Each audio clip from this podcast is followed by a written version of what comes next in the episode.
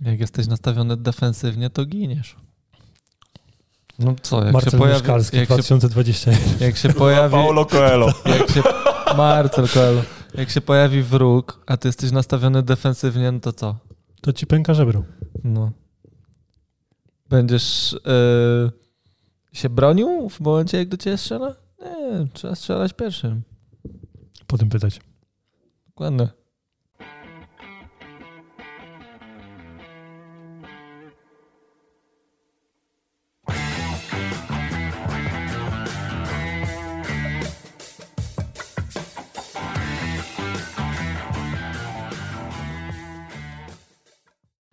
Podstawowe pytanie, czy nas wszystkich w kadrze widać tym razem, czy Tak. dwóch z nas jest zasłoniętych pałąkami od mikrofonów? Tam spójrz. Właśnie, Nie, ja siedzę tak widzę. obok pałą, pałąka. świetnie. Ty też siedzisz, Dariusz, koło pałąka, tylko ja jestem zasłonięty pałąkiem. O, teraz będzie inaczej, to nic się nie stanie. Otóż to. Dobra. Jak już pewnie wszyscy zdążyli zauważyć, zaczęliśmy 22, 21 odcinek Wicepaszyn na podsłuchu. Razem ze mną w studiu Jakub Durczak. Dzień dobry. Powiedz coś więcej, bo ostatnio słuchacze nas mylą. Mnie i ciebie. To ja mam dzieci. Ty masz dzieci, tak. To ja jestem ten, co... Kuba uprzedza, uprzedza fakty. Zaraz do tego dojdziemy. Teraz yy, Marcel Mieszkalski Dzień dobry. i ja się nazywam Masz rację, ciebie nikt nie byli Marcel, więc to nie jest no problem. to- E, ja się nazywam Dariusz Kowalski i to ja zawsze czytam te pytania, jak coś. To ja jestem Darek. Nie ma dzieci. Nie ma Ja dzieci. nie mam dzieci. Jeszcze. Dobrze. E, Ja z góry przepraszam, jakbym e, zaczął seplenić albo coś podobnego. Byłem właśnie u dentysty, jeszcze znieczulenie mi nie zeszło. Także mam nadzieję, że jakoś przebrniemy przez to. Darek jest w ogóle dzisiaj ciężko kontuzjowany. To prawda, siedzę też tu z pękniętym żebrem, więc jak chłopaki mnie to bardzo rozśmieszą, to, to, to też nie będzie najlepsze rozwiązanie, ale myślę, że ten podcast pomimo tych wszystkich przeciwności uda się świetnie. Co wy myślicie o tym? Ja jestem, ja jestem o tym przekonany. A ja mam taką nadzieję. Okej. Dobrze, kącik społecznościowy. E, Boom Tarara do nas pisze, że robimy kawał dobrej roboty i motywujemy Ale to do jest dalszej imię czy nazwisko? E, Myślę, że to jest Boom Tarara, Aha, imię i nazwisko. ciekawe. I przy okazji e, ma kilka pytań dotyczących objaw czy choroba w postaci zespołu Sudeka, fibromyalgii i co sądzimy o metodzie GDS. Więc może najpierw zespół Sudeka. Objaw czy choroba, panowie? Mhm. Ale choroba to objaw. E, Bo kiedyś rozgraniczaliśmy, nie pamiętam przy którym, przy którym e, o nadciśnieniu chyba mówiliśmy, że to bardziej jest objaw niż choroba i teraz chyba to jest pytanie pod tym kątem znowu. Czy to objaw, czy to choroba? Hmm. Pewnie zależy na jakim etapie.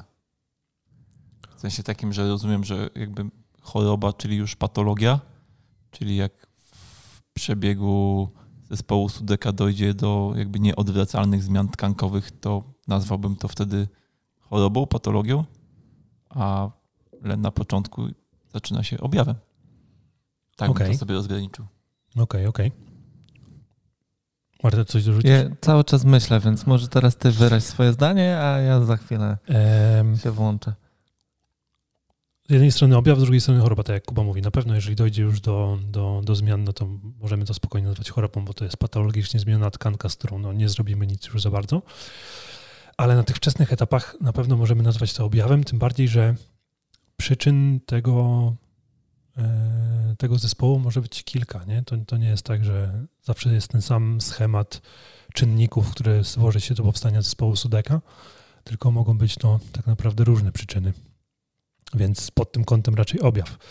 I podobnie z fibromialgią. Nie? Fibra- Fibromialgia To już E. dla mnie już na pewno jako to objaw. już w ogóle jest tak naprawdę worek raczej e, zespół objawów bardziej nawet niż choroba, nie? W sensie, że Znaczy fibromialgia jest prostu manifestacją pewnego mechanizmu wrażliwienia układu nerwowego, tak? Więc y, dolegliwości, które się pojawiają są tylko i wyłącznie no, manifestacją. No i to w dodatku manifestacją problemów, które często są na różnych poziomach, nie? Dokładnie. Jest to suma różnych obciążeń organizmu. Tym bardziej, że jak się diagnozuje tą fibromialgię, to tam nie pamiętam, jak to dokładnie wygląda, ale trzeba No, spełnić jakieś trzy punkty z sześciu kontrolne, objawów tak. albo coś tam takiego, nie? Więc, więc generalnie jest to raczej taki worek do opisania sytuacji, na którą nie mamy tak naprawdę odpowiedzi, nie? Ja jest- chciałem tylko się zapytać, czy Darek jakby jesteś świadom, że nie ściągnąłeś tego pierścionka, który ukradłeś z mojego gabinetu? Yy, Nie ukradłem, tylko mi go ofiarowałeś, ale tak, jestem E, Aha, nie, to. Marcel ci dał. Tak, dostał w nagrodę. Nie, nie, tak tylko chciałem dopytać. Tak, odnośnie tego, co mówisz, e, tego mm, opisania sytuacji, nie? że fibromialgia to jest opisanie sytuacji objawowej pacjenta. To jest trochę tak jak ostatnio na webinarze z bólów głowy opowiadałem o tym, że klasyfikacja ICHD, na przykład klasyfikująca bóle głowy, ona nie jest nam pomocna w postawieniu diagnozy, tylko w scharakteryzowaniu takim fenotypowym pacjenta, nie? do jakiej grupy bólu głowy my go zaliczymy. Natomiast przyczyna tego, że ten pacjent ma ból napięciowy albo ma migrenę, może być bardzo, bardzo różnorodna. Nie? I to samo jeśli chodzi o pacjentów z fibromialgią. Myślę, że warto się wystrzegać takiego spojrzenia na ten problem, że jeżeli ktoś ma na bazie tych kontrolnych testów stwierdzone bach, fibromialgia, to my dla takiego problemu mamy jakieś z góry założone postępowanie, nie? bo to nie jest diagnoza, tylko charakterystyka fenotypowa. No właśnie to jest y, generalnie właściwie jakiego byśmy schorzenia y, u pacjenta nie dostali, w sensie zdiagnozowanego schorzenia, to z perspektywy naszej pracy raczej nie zmienia nam to zbyt wiele w postępowaniu, bo i tak musimy znaleźć, znaczy może nam wprowadzać powiedzmy jakieś ograniczenia, jeśli chodzi o Przeciwwskazania, zastosowanie. no. Tak, przeciwwskazania. Ale nasza praca będzie zależeć od tego, co znajdziemy u tego pacjenta, czy tak, czy siak. No, napięciowo, funkcjonalnie, w zależności od tego, innego kąta jakby patrzymy, pracujemy. więc Ja myślę, że- medyczna diagnoza. Wiesz, ta medyczna diagnoza jest pomocna lekarzowi, ponieważ jeżeli ta diagnoza określa na przykład zapalne podłoże danych, danego zes- zespołu objawów, no to jest to wskazanie do przepisania takich czy innych leków przeciwzapalnych. Nie? Z tego punktu widzenia to może być pomocne lekarzowi. Natomiast dla nas to nie jest pomocne, bo dla nas, jeżeli mamy zapalne podłoże danego zespołu objawów, to my i tak się zastanawiamy, skąd się wziął ten stan zapalny. Nie? Jakby i, I na jakim, i czy, a jeżeli tak, to na jakim poziomie jesteśmy w stanie pacjentowi pomóc z tym stanem zapalnym.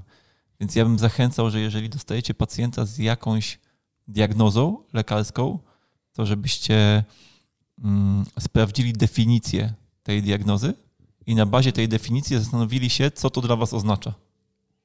Bo Jak to jest, tak jak, to jest tak jak z tężyczką, nie? Tężyczka to też jest taki, tak, tak, No, choroba, która temat. nie istnieje, nie? w sensie takim, że nie znamy przyczyny, nic nie znamy, tylko jest to po prostu słowo, które opisuje nam pewien Zespół, objawów. zespół bardzo niespecyficznych objawów.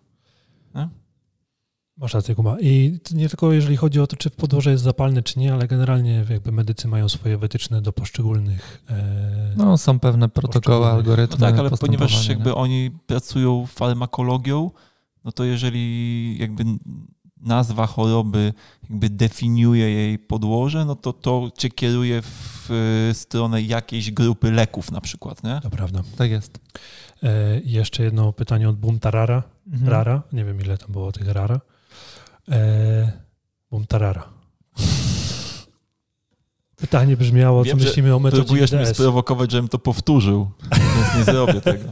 Nawet nie, ale e, nie wpadłem na to. Jestem za mało przebiegły.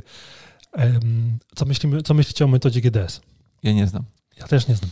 Ja też nie znam na tyle, żeby się wypowiadać i opiniować. Znaczy nie, także właśnie to jest tak, nie to, że nie znamy metody zupełnie, ale nie znamy na tyle, żeby opinię wystawić. To jest e, metoda mm, owiana dość dużą tajemnicą w naszym kraju. W sensie znają ją tylko ci, którzy ją ukończyli. W takim sensie, że bardzo mało materiałów takich źródłowych na ten temat można znaleźć.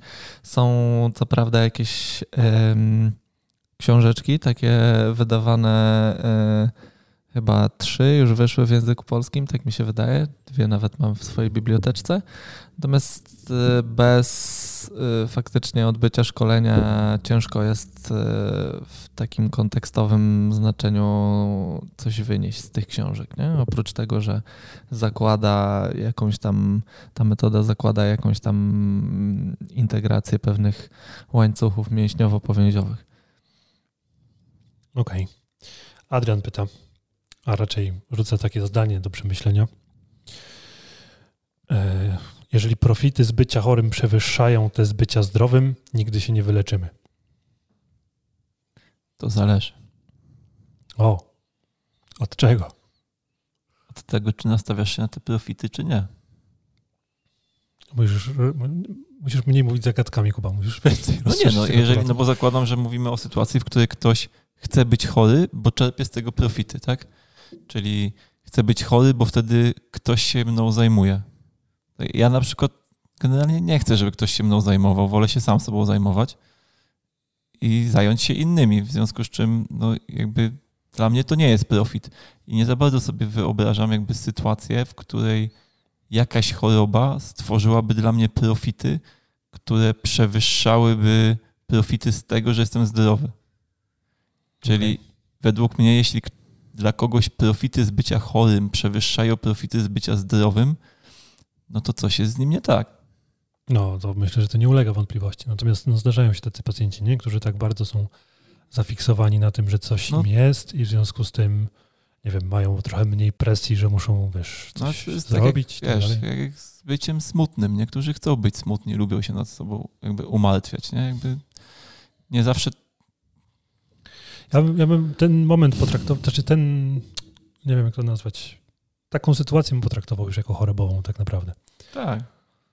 Że no, w tym momencie psychoterapeuta to jest najlepszy kierunek, bo, bo inaczej będzie ciężko. Si. Tak.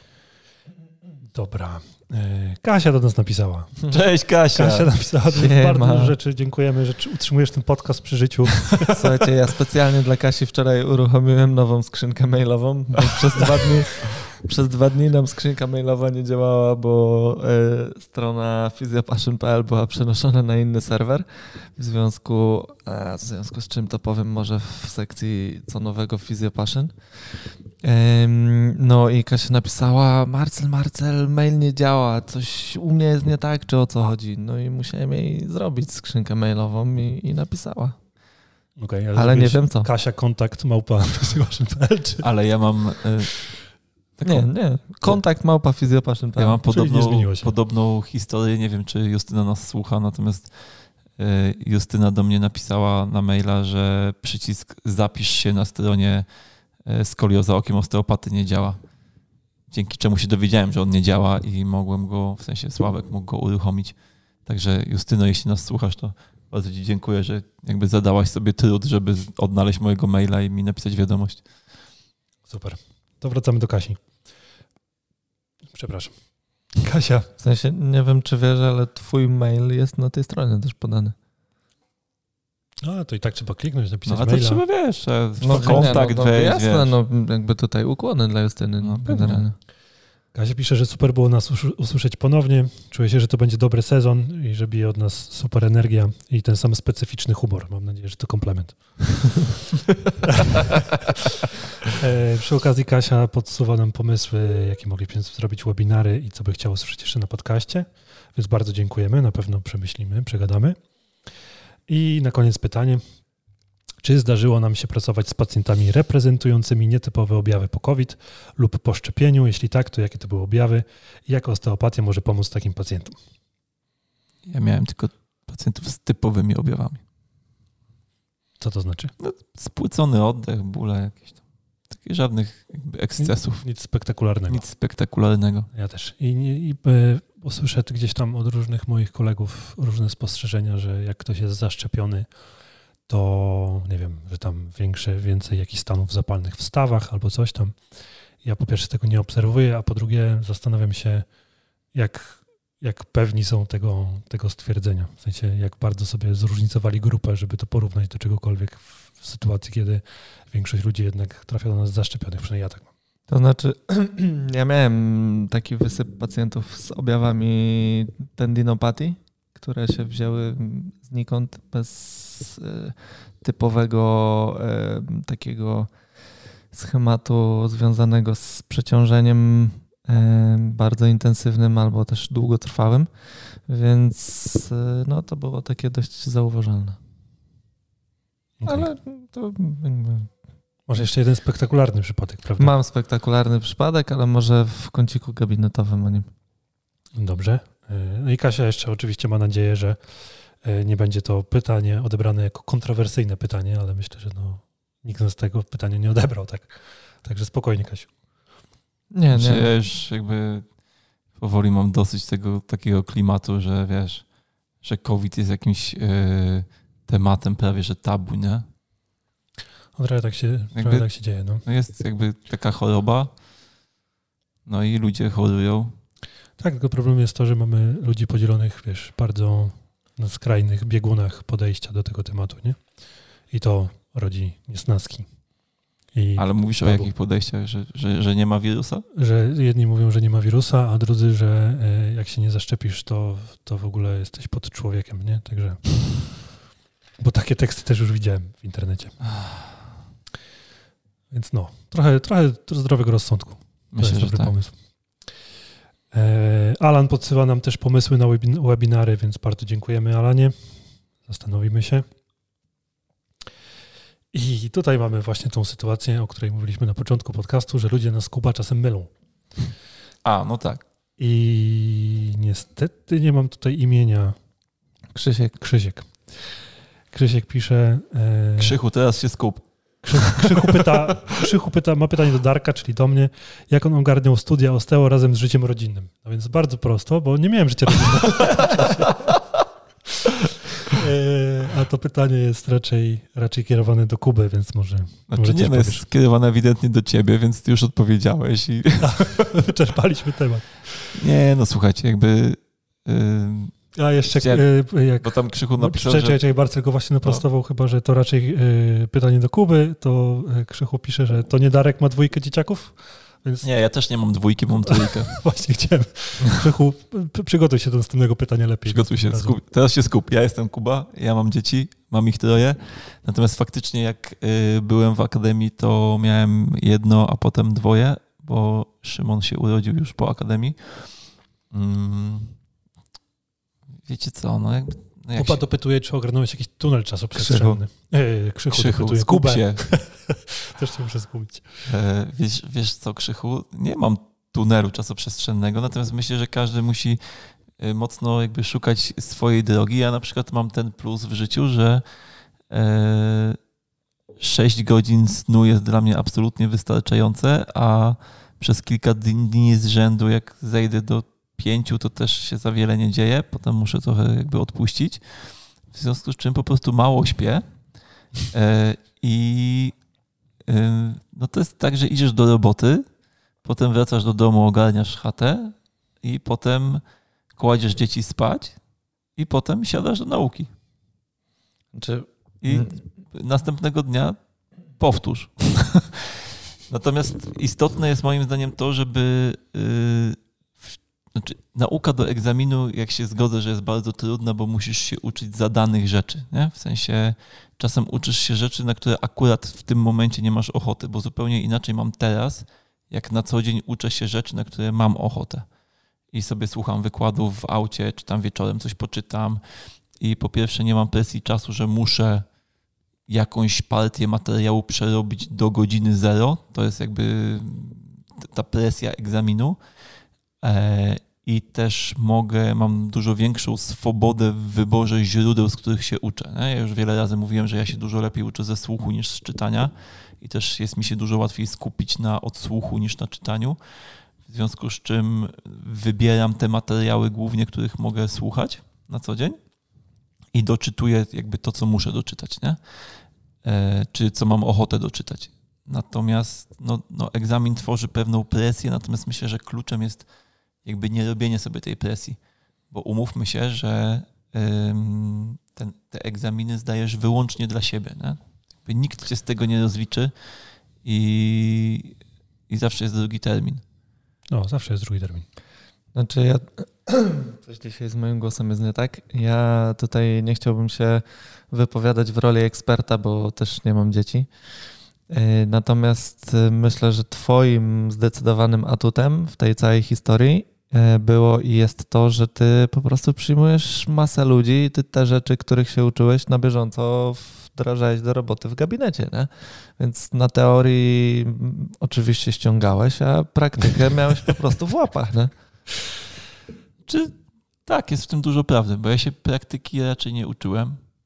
W sensie przeglądałem tylko filmy, żeby zobaczyć, gdybym został zapytany o konkretną technikę, natomiast... A, bo my jeszcze, Krzychu może nie mieć tej świadomości, że on jest już w tych lepszych czasach, bo my jak byliśmy w Akademii pod egidą OSD, to na egzaminach było pokaż technikę na tak. i były techniki z nazwy jeszcze czasami, nie?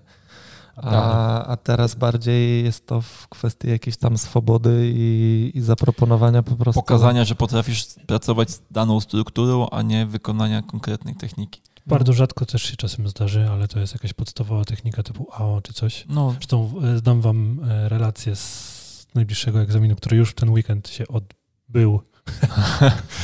Moje dzieciaki też miały ostatnio pierwszy praktyczny egzamin. E, pojechałem specjalnie do Poznania, żeby im towarzyszyć i koniec końców myślę, że dobrze zrobiłem, bo jak patrzyłem na reakcje, które e, w związku z tym egzaminem się u nich pojawiły, to no strasznie im wjechało, tym bardziej, że zdawali egzamin praktyczny z dwóch lat, słuchajcie, bo no, wiem, pandemia. Wiem, ja teraz i... będę egzaminował właśnie drugi i trzeci rok, który będą zdawać z dwóch lat, mm. ale y, właśnie asystenci tych roczników też już się zapowiedzieli, że przybędą. Dobrze, wspierajcie swoje dzieci osteopatyczne. No, także, no a jeżeli chodzi o tą teorię, no to niestety to po prostu trzeba przez to przebrnąć, nie? Trzeba. E, I natomiast ja myślę, że bardzo ważne jest jakby nie budowanie sobie tej sztucznej presji, bo też myślę, że trzeba sobie zdać bardzo mocno sprawę z tego, czym jest egzamin, czyli jest to subiektywna ocena. Ja będę mm. bardzo obiektywny. To jest niemożliwe. Nie, no jest to subiektywna ocena, nie? I teraz jakby w zależności jakby na jakiego egzaminatora trafisz, no to Słuchajcie, Trochę tak, wiesz, ale jakby, wiesz, są nie, no, sytuacje skrajne Okej, okay, no jeśli, jakby, jeśli jest konkretne pytanie anatomiczne i jakby nie wiesz, gdzie jest kolano, no to nie no, wiesz, gdzie jest kolano, czytanie, koniec, nie? nie? No. To jest jakby, no to, to jakby tyle, nie? Natomiast yy, bardzo często pojawiają się, wiesz, takie sytuacje na egzaminie, że yy, jest jakby rozbieżna koncepcja między egzaminatorem a zdającym. I myślę, że to jest tutaj jakby zawsze kwestia takiego wyważenia z obu stron, nie? że jakby ten zdający nie może się zapinać jakby na swoją koncepcję, tylko zastanowić się, czego się od niego oczekuje, ale też egzaminator ma to, to zadanie, żeby zastanowić się jakby, czemu ten zdający się uparł przy swojej koncepcji, nie? I czy ona, pomimo tego, że jest odmienna, czy jest, na ile jest jakby akceptowalna, nie? No, e, to powinien być jakiś dialog, się, nie? Zdarzyły mi się takie historie rzeczywiście, e, natomiast ja zawsze szukam w tym po prostu logiki i spójności. No, nie? Dokładnie. Nawet jeżeli to się jakby rozwija z moją wizją, to zdaję sobie sprawę, że ja to... e, można mieć różne, powiedzmy, doświadczenie w tej kwestii. Nie? Ja to tak spróbuję ładnie spuentować, tak troszkę filozoficznie. To spróbuj. Mam szyk szykować pył magiczny czy oklaski? Słuchajcie, jak sam sobie puściłeś, to się nie Ja liczy. myślę, że ta presja związana z mm, egzaminem jest związana z tym, że ten egzaminator jest dla nas trochę takim lustrem, nie? że jakby on jest odbiciem tego, czego my się faktycznie nauczyliśmy w ramach tego procesu edukacji, ale Uważam, że na co dzień zdajemy dużo ważniejsze egzaminy, pracując z naszymi pacjentami. I tak samo jak nie powinniśmy sobie tej presji robić na samym egzaminie, tak samo mm, pracując w gabinecie, musimy mieć świadomość tego, że no najlepsi nawet zdarza im się, nie wiem, popełnić błąd, e, pomylić się, nie trafić w to, że nie wiem, założyliśmy jakąś hipotezę diagnostyczną, a ona się nie sprawdziła i tak dalej, i tak dalej, to jest po prostu składowa naszej codziennej pracy. Tak samo jak składową naszej nauki jest po prostu egzamin. Nie? I tyle. Tak bardzo ładnie powiedziane, że jeszcze raz ci puszczę pyłek. Poza tym ja myślę, że gdzieś podświadomie jest coś takiego, że wiesz, jesteś szczególnie właśnie u ludzi, którzy już mają trochę doświadczenia, którzy już trochę pracują, że wiesz, siedzę na co dzień w gabinecie, pracuję, jakby buduję wśród pacjentów ten wizerunek eksperta i nagle jakby ktoś mi mówi, że ja czegoś nie umiem, nie? Natomiast jakby to, że nie wiedziałeś, gdzie jest kolano, to nie znaczy, że jesteś jakby słabym terapeutą, tylko to znaczy, że akurat nie wiedziałeś, gdzie jest kolano. No musisz to doczytać i na następnym egzaminie już wiedzieć. W innej skali jak najbardziej, ale jak nie wiesz, gdzie jest kolano, to się musisz zastanowić. Specjalnie używam tego przykładu. Nie? No, to prawda. Ale. E... Ja tylko jeszcze, jak mogę podpowiedzieć, co do, co do nauki, do motywacji do nauki i znajdywania czasu. Mów, mów. To e, polecam spróbować wsadzić sobie to, czego się uczysz w danym momencie w jakiś konkretny kontekst, powiedzmy, e, kliniczny. W sensie takim, żeby nie uczyć się tego, że tu jest kolano i to kolano ma dwie kości, które je sobą łączą i tam są pośrodku kotki, tylko raczej próbować to już odnosić do jakiegoś klinicznego aspektu. I mam wrażenie, że wtedy, przynajmniej dla mnie tak to działało, miałem dużo więcej motywacji niż wkuwanie rzeczy. Teraz możemy przeprowadzić taką filozoficzną dysputę, czy rzepka też jest częścią kolana i w takim razie kolano ma trzy tak, kości, czy dwie? Ja już ja nie wiem, gdzie jest kolano. Ja, ja chciałem... Chyba, że pomyślałeś o udowej i rzepce, zapomniałeś o... Ja chciałem tylko zaznaczyć, że y, wszyscy studenci Akademii Osteopatii, którzy nas słuchają, te trudne pytania testowe, z którymi się musicie zmierzyć, to układa właśnie Darek, więc jak ktoś będzie miał z tym problem, to odezwijcie się do mnie, podam wam adres. Ja jakby muszę, muszę tu naprostować, że w tym roku nie układałem pytań, więc... Nie? Nie. Więc... A to moje dzieci dostały pytania, które ty układałeś, więc chyba z tamtego roku jeszcze. Były podpisane. A, no to może, to nie wiem, nie wiem. Jakby nie brałem udziału w tym roku w układaniu pytań. Być to może. Nie, mi się wydaje, że oni mają jakby pulę pytań z wielu lat i co roku po prostu wiesz, wybierają. Maszyna losująca. Skład, maszyna losująca. Ciekawe, kto jest w komisji. Nie wiem, nie wiem, nie wiem. Dobra, dalej. Eee... Tak? Wyczerpaliśmy temat? Myślę, że nadczerpaliśmy. Myślę, że bardziej niż Krzychu chciał. Okej. Okay. E, Paulina pisze, że zajmuje się ciałem jako trener głosu i logopeda i z ogromną wdzięcznością przyznaje, że nasze podcasty, gazetka i warsztaty Physiopassion bardzo wspierają e, jej nazywanie i rozumienie zależności w ciele, głosie i w, pre, w, w pracy terapeutycznej. Gazetka? No, Myślę, że chodziło o bloga. E, A. Albo o newsletter. A, może. A.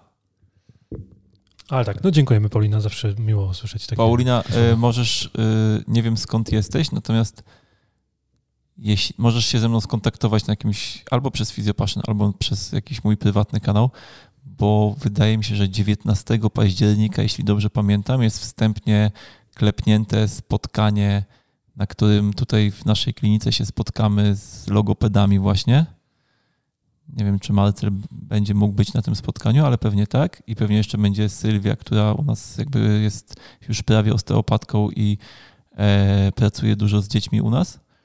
I przyjdzie prawdopodobnie jakaś, mam nadzieję, że większa grupa logopedów i będziemy sobie rozmawiać właśnie na te tematy. Więc jeśli e, masz taką możliwość, żeby przyjechać do Wrocławia na takie spotkanie, to cię zapraszamy serdecznie. Tak jest. W ogóle. Mm... A ja też mam zaproszenie? Jak najbardziej, oczywiście. Super. A ja też z logopedą? Nie. nie, ale zawsze chciałem być. Słuchajcie, e, tak ja też. bez, bez żartów już, to e, dla mnie bardzo, bardzo mm, pozytywnym takim przejawem jest to, że śledzi nas naprawdę dużo logopedów albo osób zajmujących się terapią głosu, trenerów wokalnych. To jest dla mnie takie... Mm, mocno pokrzepiające, że ta e, profesja jakby czerpie też z tego mocno takiego, nazwijmy to, ogólnomedycznego tak. aspektu. Mam wrażenie, że w, e, w kontekście pracy z dziećmi szczególnie e, w Polsce tworzy się taki naprawdę multidys, multidyscyplinarne tak. podejście do, tak. do tematu gdzie specjaliści z różnych dziedzin wymieniają się ja pacjentami, miałem, doświadczeniami i tak dalej. Miałem skrajne, dwa skrajne doświadczenia, bo rozmawiałem z jedną panią neurologopedą, natomiast mm, to była bardzo początkująca pani i byłem troszeczkę przerażony jej podejściem i pewnymi teoriami, które jakby mi sprzedawała. E, natomiast ostatnio rozmawiałem z moją znajomą logopedą e, i jestem mega zbudowany tą rozmową, bo naprawdę jakby zgadzaliśmy się ze sobą na tak wielu polach i jakby wrzucaliśmy sobie, wiesz, ona mi, a ja jej rzeczy, e, o których jakby nie pomyśleliśmy, natomiast bardzo fajnie się jakby uzupełnialiśmy w tej rozmowie, nie? I co najważniejsze, jakby zgadzaliśmy się do co do tych takich podstawowych założeń, co do których jakby nie powinno być rozbieżności, nie? Bo są pewne mm, kontrowersje. Nie, pewne pryncypia będzie dobrym słowem. Bardzo dobrym. Są pewne pryncypia, pryncypia, co do których jakby wszystkie osoby pracujące z pacjentami powinny się zgadzać, nie? Okej. Okay. Tak, także Paulina dostałaś zaproszenie. E, kiedy? Jeszcze raz, Kuba? 19 października to jest taka wstępna data ustalona, natomiast jeśli słuchają nas jacyś e, logopedzi i bylibyście zainteresowani takim spotkaniem, to odezwijcie się do mnie albo na fizjopaszy, na Marcel mi przekaże te wiadomości i jak to wszystko będzie klepnięte, to dam wam znać. Dobrze. Tomek pyta. E, odnośnie pacjentów, którzy są anty w kontekście ćwiczeń i opornie idzie im wytłumaczyć, że przyczyna może leżeć w odległym miejscu od problemu na tą chwilę, który występuje. Czy w takim przypadku jest sens walczyć o świadomość tej osoby, czy odpuścić, bo dany pacjent jest zamknięty i niechętnie otwiera się na rozwiązanie problemu w sposób kompleksowy? Pozdrowienia. To jest takie pytanie, na które już myślę kilkukrotnie padła odpowiedź w naszym podcaście. Aczkolwiek. Yy no to wszystko zależy od tego, czy ten pacjent jest otwarty na to, żeby budować u niego świadomość, nie? Bo jeśli e, mimo tego, że staramy się tą świadomość budować według tych zasad, o których mówiliśmy w ostatnim 20 odcinku, czyli tam jakiś niski próg wejścia, jeśli chodzi o zmianę nawyków, e, taki zindywidual, zindywidualizowany sposób e, dobierania mm, różnych tam, nie wiem, aktywności, które pacjentowi sugerujemy. Mm, I jaki był trzeci element? Trzeci element? Ja mam pamięć o tej rybki, nie pamiętam już takich rzeczy. A, rozumiem, bo to ty wymieniałeś te wszystkie.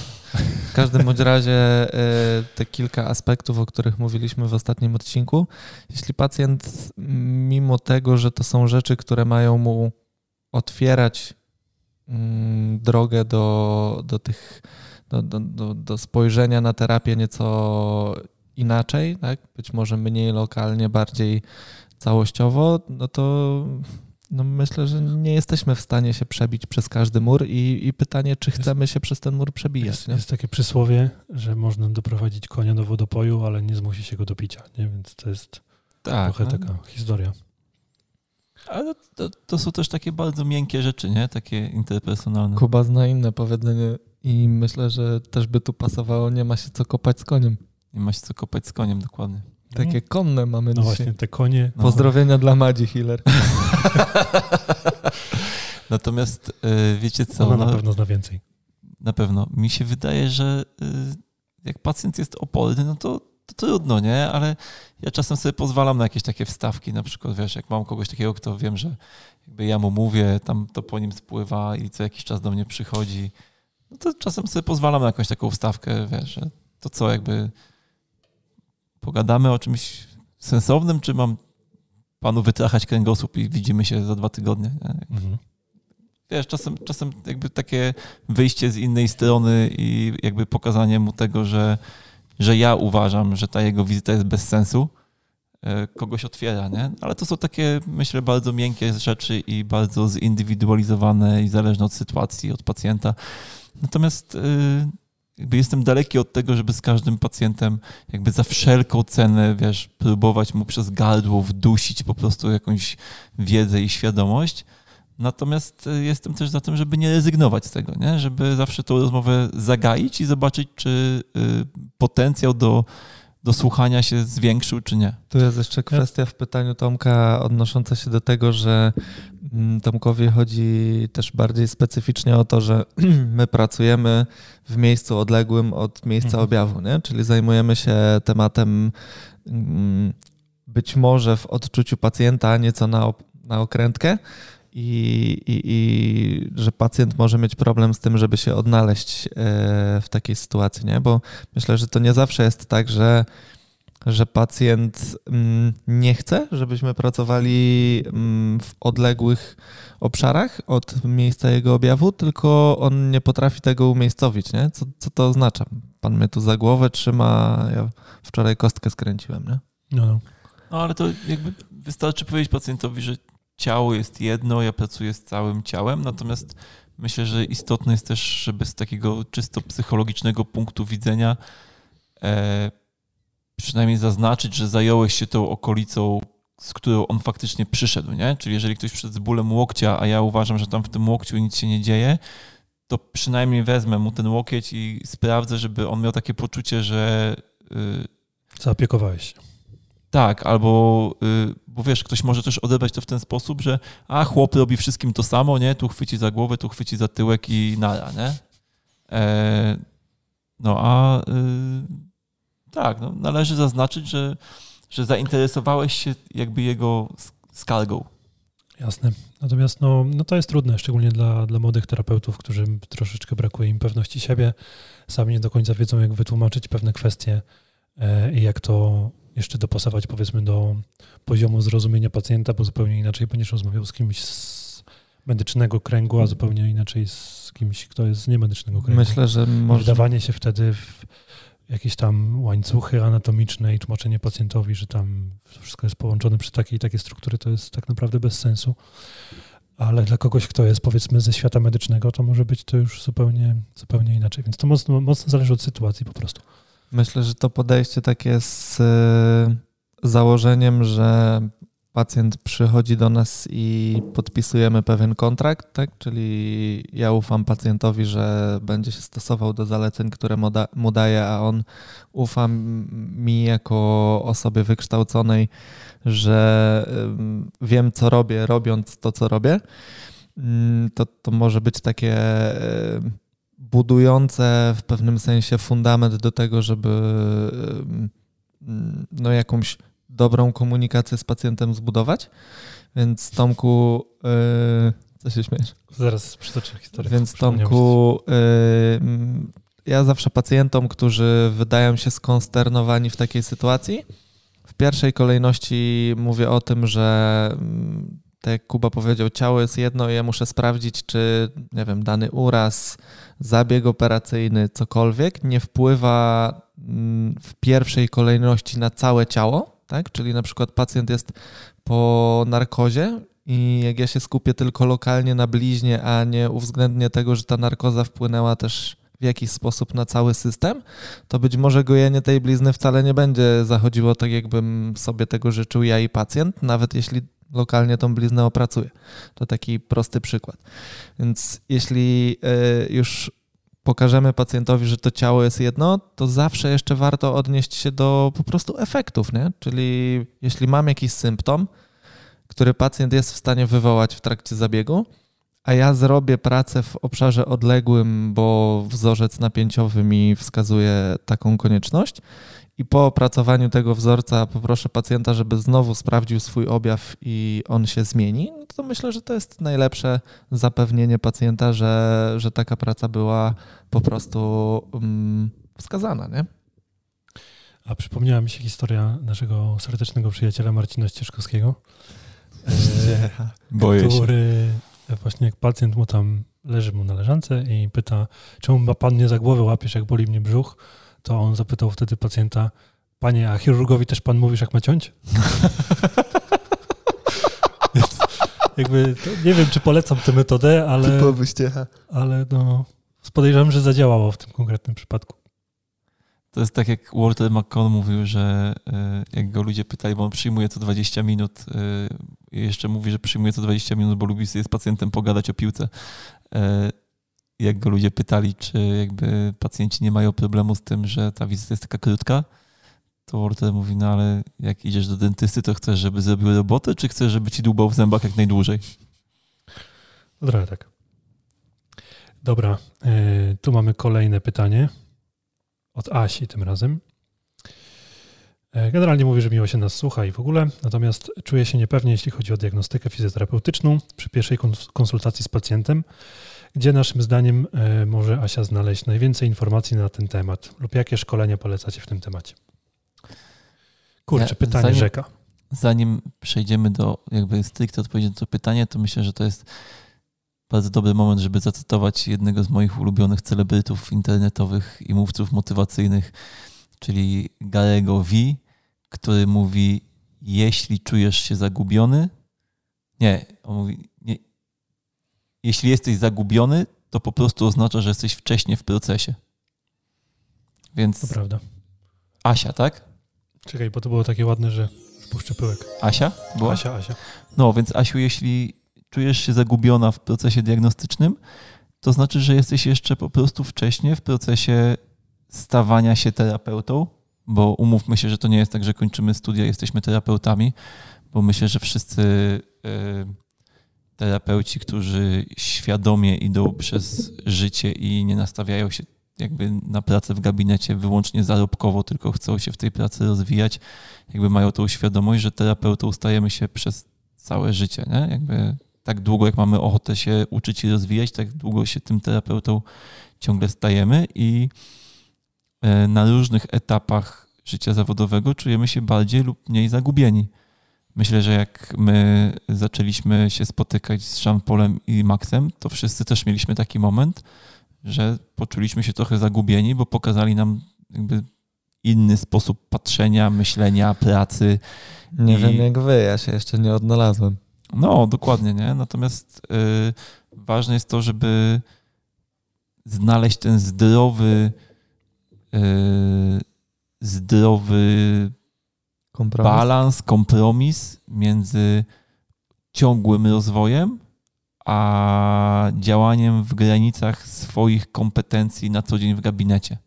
Nie? Żeby też nie wrzuc, jakby nie starać się na co dzień zrobić wszystkiego, ale w jakby w tej skali mikro, nie? w skali jednego dnia w gabinecie czy jednej wizyty, ale w skali makro, czyli w skali całego życia, żeby próbować się nauczyć wszystkiego. No? Tutaj A tak- fajnie, tak... sorry, że się proszę, proszę. ale e, fajnie mm, można by było też e, spuentować w odniesieniu do tego, co ostatnio w socjalnym standardowo sobie rozmawialiśmy. To musi być magiczne e, miejsce. Magiczne miejsce, dokładnie. Odnośnie, tam się idee rodzą. Odnośnie tego, co Max mówił na kursie, nie? że mm, nie da się poruszać w gabinecie po płaszczyznach, których na dany moment nie rozumiesz, nie? że tak. pracuj z pacjentem na tych poziomach albo tłumacz sobie to, co robisz aktualnie na takim poziomie, na jakim jesteś w stanie to swoją mm, dotychczasową wiedzą i jakimś takim ogólnym mm, mentalem ogarnąć, nie? A nie staraj się odtwarzać czyjejś tożsamości terapeutycznej, kto ma 30 lat doświadczenia więcej, bo to jest po prostu nierealne, nie? Możesz no. dążyć do tego, żeby być tam, gdzie ten ktoś, kto ma 30 lat więcej. I wbrew pozorom, ja wiem, że te rzeczy, które ja tutaj mówię, są takimi banałami, ale ja sam miałem przez długi czas problem z tym, żeby się zdystansować do ludzi, którzy mają w opór doświadczenia zawodowego. A dalej się łapie na tym od czasu do czasu. I ja bym chciał już. Ja bym chciał tej. Ale tak bardziej z praktycznej strony, to. Ale, no, to dokończę tak, jeszcze. no, chciałem tylko dokończyć, że też rozmawialiśmy o tym w socjalnym kiedyś, że na przykład y, mam. Y, taki dystans. Wiem, że pójdę na kurs praktyczny do Jean Paula, natomiast mam dystans już przed tym kursem.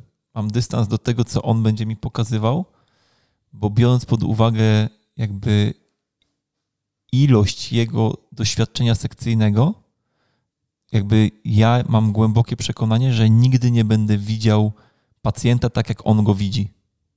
Nie? Więc teraz to, co on mi pokaże, ja się muszę zastanowić, jak to się przekłada na moją praktykę. Na ile jestem w stanie jakby jego sposób prowadzenia terapii przełożyć na mój gabinet. Znaczy uważam, że nie musisz siedzieć w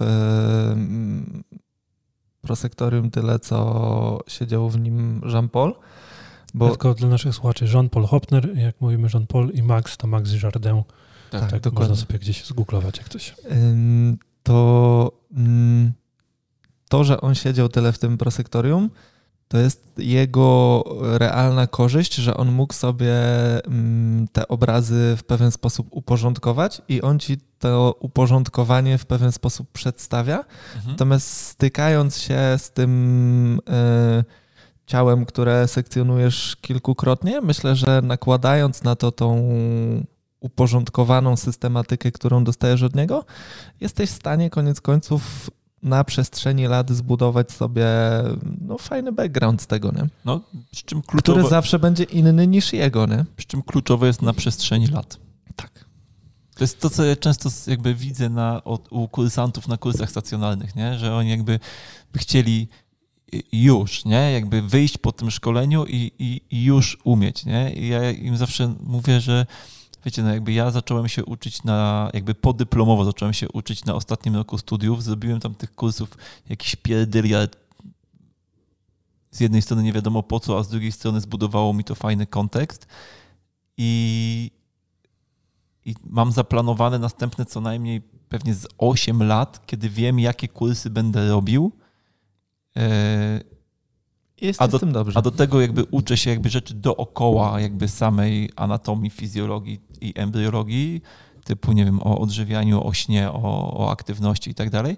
Jest mi z tym dobrze, jakby, bo to jakby cały czas się rozwijasz, bo jakbyś się nauczył już wszystkiego, to co byś dalej w życiu robił? Mam puentę na magiczny pyłek. Dawaj. No. Czyli musimy w tym wszystkim czerpać więcej przyjemności z procesu edukacji, a nie z y, efektów tego procesu. Czyli droga, a nie cel. Dokładnie. Dobra, teraz tak ładnie pogadaliśmy i podsumowaliśmy tym magicznym pyłkiem, a teraz konkrety. Jakoś musimy, jakby, jeżeli Aha, chodzi o wskazówki, ja co jeszcze zrobić. wiem, do Krzycha chciałem jeszcze coś powiedzieć. Krzychu, zrób z samochodu salę wykładową. To jest mega jakby, y, mega sposób, nie? W sensie masz nagrania ze zjazdów, e, jak masz stare auto, tak jak ja, to sobie kupujesz JBL-a i po prostu najlepiej z tylnego siedzenia, żeby cię nie rozpraszał obraz, puszczasz z laptopa nagrania ze zjazdów i po prostu słuchasz, co tam było. Wracając do pytania Asi. Jak ma się odnaleźć w tym, że czuje się nie słabo diagnostycznie? To ja tu widzę jakby dwie drogi, które symultanicznie trzeba by e, eksplorować, powiedzmy. Jedna to jest taka diagnostyka ogólnomedyczna, czyli przeciwwskazania, czerwone flagi i tego typu historie. E, jest taka bardzo fajna książka Diagnostyka różnicowa dla fizjoterapeutów. Natomiast to jest to potężna, jest ta taka ta, to jest ta, ta, ta, ta, więc ciężko się o. z niej uczyć tak powiedzmy bardzo globalnie, nie szukając Książka, czegoś do konkretnego. której się zagląda, a nie tak. której się uczy. Jeśli chodzi o takie ogólne czerwone flagi i taką diagnostykę ogólnomedyczną, to nie mam żadnej konkretnej pozycji chyba. E, ale na pewno w większości książek z danej dziedziny, czego byś nie, nie wzięła do ręki, to jest tam taki dział, który mówi o tym, jakie są przeciwwskazania, co powinno cię jakby niepokoić i tak dalej, i tak dalej. Więc, więc to, bym, to by była jedna droga, a druga rzecz to już z takiej diagnostyki typowo e, fizjoterapeutycznej, z której będziesz mogła coś zrobić w, w, praktycznie z pacjentem, to już mocno zależy od pacjenta, jakich pacjentów masz tak naprawdę, że dobrze się gdzieś tam troszeczkę e, określić. określić i nakierunkować, na, nakierować, e, ukierunkować, o, to chciałem powiedzieć. Natomiast jeśli nie wiesz jeszcze, w którym kierunku iść, to dobrym pomysłem jest jakaś terapia manualna. Ja obojętnie w jakim nurcie. Marcel robi taką chyba dość kompleksową terapię manualną teraz Sławka, nie? Tak, pięć modułów, no. Więc to jest takie podstawowe narzędzie, którym można powiedzmy ocenić pacjenta pod kątem takim e, napięciowym. Przy okazji masz też techniki, które można gdzieś tam zacząć wprowadzać, więc to wiadomo, to nie musi być u Marcela, natomiast polecamy u Marcela, ale każda jakaś terapia manualna, która kompleksowo do tego podejdzie, jakby do całego ciała, to, to będą takie podstawowe narzędzia. I Asiu, pamiętaj, że koniec końców diagnostyka skończy się na tw twojej subiektywnej ocenie. Więc jakby po prostu buduj jakby zaufanie do samej siebie i to ci naprawdę jakby ułatwi. Bo koniec końców, choćbyś nie wiem jak bardzo miała rozbudowaną diagnostykę, to ona w końcu dojdziesz do etapu, gdzie jakby musisz subiektywnie coś ocenić. Tak, to będzie też związane z naszym dzisiejszym tematem głównym odcinka. Nie? Mhm. Po części. No, tak. Jeszcze ja mam dla Asi em, książkę. Jest taka książka, nie pamiętam niestety jej tytułu. E, Nicola Petty chyba ją napisał, mm, albo napisała, nie wiem czy to jest mężczyzna czy kobieta. P-E-T-T-Y się pisze nazwisko, tak mi się wydaje. Pet. Office, no wiem, no, z No. przyjaciół taki tylko. No nie I y, ona jest trochę taką, nazwijmy to streszczeniem tej diagnostyki różnicowej dla fizjoterapeutów, bardziej w ujęciu właśnie manualnego postępowania z pacjentem, więc y, nie jest to takie ogólnomedyczne. Są nawiązania do tych ogólnomedycznych tematów, ale jest tam też sporo takich odniesień y, czysto y, fizjoterapeutycznych, jeśli chodzi o jakieś tam testy, badania, skale oceny i tak dalej. User 667, znowu Znowu pisze, tak, że miło nas widzieć i słyszeć po przerwie. Bardzo ciekawiłoby go podejście, e, nasze spojrzenie na prawidłową, ergonomiczną postawę ciała, co o tym myślimy także w kontekście wzorców napięciowych. I tu się akurat bardzo dobrze składa. Fantastycznie. się Bo składa. możemy wam coś zapowiedzieć. Co zapowiemy, Marta? Zapowiemy, że w październiku mm, będziemy realizować em, Projekt. Projekt. Tak, trzeba to nazwać projektem, bo troszkę zmieniamy, zmieniamy to, jak będzie wyglądał temat naszych webinarów. E, Będziemy robić raz w miesiącu darmowy webinar teoretyczny, natomiast webinaru praktycznego nie będziemy robić w formie webinaru, tylko przygotujemy wcześniej nagrane materiały. To z różnych względów logistycznych. Raz, że jest łatwiejsze dla nas, dwa, że możemy te materiały technologicznie po prostu w lepszej jakości wypuścić, a trzy, y, obserwując statystyki, mm, no, mm, jednak większość osób korzysta z tych materiałów tak czy tak w formie retransmisji, więc jeżeli będziecie chcieli się z nami spotkać, to od października będzie to możliwe y, na webinarach tych teoretycznych, a jeżeli będziecie chcieli w pewnym sensie się z nami spotkać, ale już tak troszkę bardziej biernie, to będzie można to zrobić za pomocą, za pomocą tych materiałów przygotowanych y, w części praktycznej, aczkolwiek z tą biernością spotkania, to tutaj też jesteśmy przygotowani, ale o tym trochę więcej powiem w części co nowego w Fizjopasz. E, Marcin, e, dziękuję za ukazywanie perspektywy e, z naszej Co? Coś źle czytam. Dzięki za dalsze ukazywanie perspektywy z waszej strony. Ja rozumiem. Proszę bardzo. Tak, rozumiemy się, świetnie. E, Że fajnie to układa pewne rzeczy. A teraz, mm, aha, sugeruje nam, co moglibyśmy zrobić w ramach warsztatów stacjonarnych, więc bardzo dziękujemy. E, Aha, tak, to, to, to tyle, Marcin. Dzięki Marcin. Dzięki, Marcin. E, Natomiast myślałem, że to już Mateusz. A Mateusz pyta nas, e, też sugeruje, co moglibyśmy zrobić. Więc bardzo fajnie. Wszystkie te sugestie e, przemyślimy, Zostaną wzięte przegadamy. pod uwagę. A e, korzystając z okazji, pyta do pana. na zasadzie jakiego mechanizmu działają osteopatyczne techniki BLT i czym się różnią od manipu- manipulacji HVLA. Jak mądrze wykorzystać je w terapii? A Tutaj nasz egzaminator odpowie na to pytanie. Tak, dokładnie. E, hmm, nie wiem, gdzie tu zacząć, żeby to było sensownie. Może chcemy z tego zrobić dwugodzinnego wykładu. Więc techniki HWLA, czyli to są techniki High Velocity HV. HV. Ja mam dla ciebie propozycję. No. Bo ty to kiedyś tłumaczyłeś na jednym webinarze, zrobiłeś Tak. taki podział na techniki pośrednie i bezpośrednie. Tak. To umówmy się, że poprosimy Mateusza, żeby się uzbroił w cierpliwość, a ja zadbam, żeby ta lekcja znalazła się na naszym nowym blogu w bazie wiedzy i będzie sobie tam mógł wejść, obejrzeć filmik i posłuchać O, takiego bardziej merytorycznego ujęcia. A tu powiedz może tylko o tym, Dużym że jedne skrócie. są takie, drugie takie. E, tak to chciałem ugryźć właśnie. Znaczy nie wiedziałem, że będziesz aż tak, wiesz... e, Szczodry? Szczodry i rozdasz ten, ten, ten wykład. Ale bardzo dobrze, bardzo dobrze. Natomiast e, no, techniki w HWLA to są techniki krótkodźwigniowej manipulacji, czyli te z klikiem, z kliknięciem. nie muszą być krótkodźwigniowe. Nie muszą być z klikiem. I nie muszą być z klikiem. To jest jakby prawda. I poleciał egzamin. To jest jakby prawda.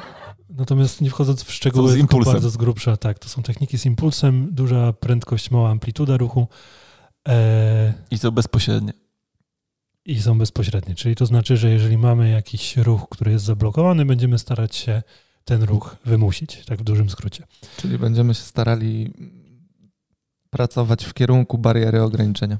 Dokładnie tak. E, Natomiast techniki BLT w założeniu przynajmniej są technikami, które będą e, szukać ruchu ułatwionego, czyli będziemy odchodzić od tego ruchu, który jest utrudniony, chociaż bywają i techniki BLT, które są też w kierunku utrudnionym, ale no tak jak mówię, nie chcę tu teraz wchodzić w jakieś tam wielkie szczegóły. Natomiast jeśli chodzi o mechanizm działania, to co do jednych i co do, co do technik HVLA i co do technik BLT, tak naprawdę na 100% nie mamy bladego pojęcia. Z uwagi na to, że jesteśmy zbyt, zbyt złożonym układem, żeby wyciągać tutaj liniowe wnioski, jest dużo takich prac, które. E, znaczy, wiemy już, że HVLA, te techniki manipulacji nie działają e, jakby na mechaniczny. Na, na, no, nie działają na mechaniczne elementy czy czynniki jakby ciała.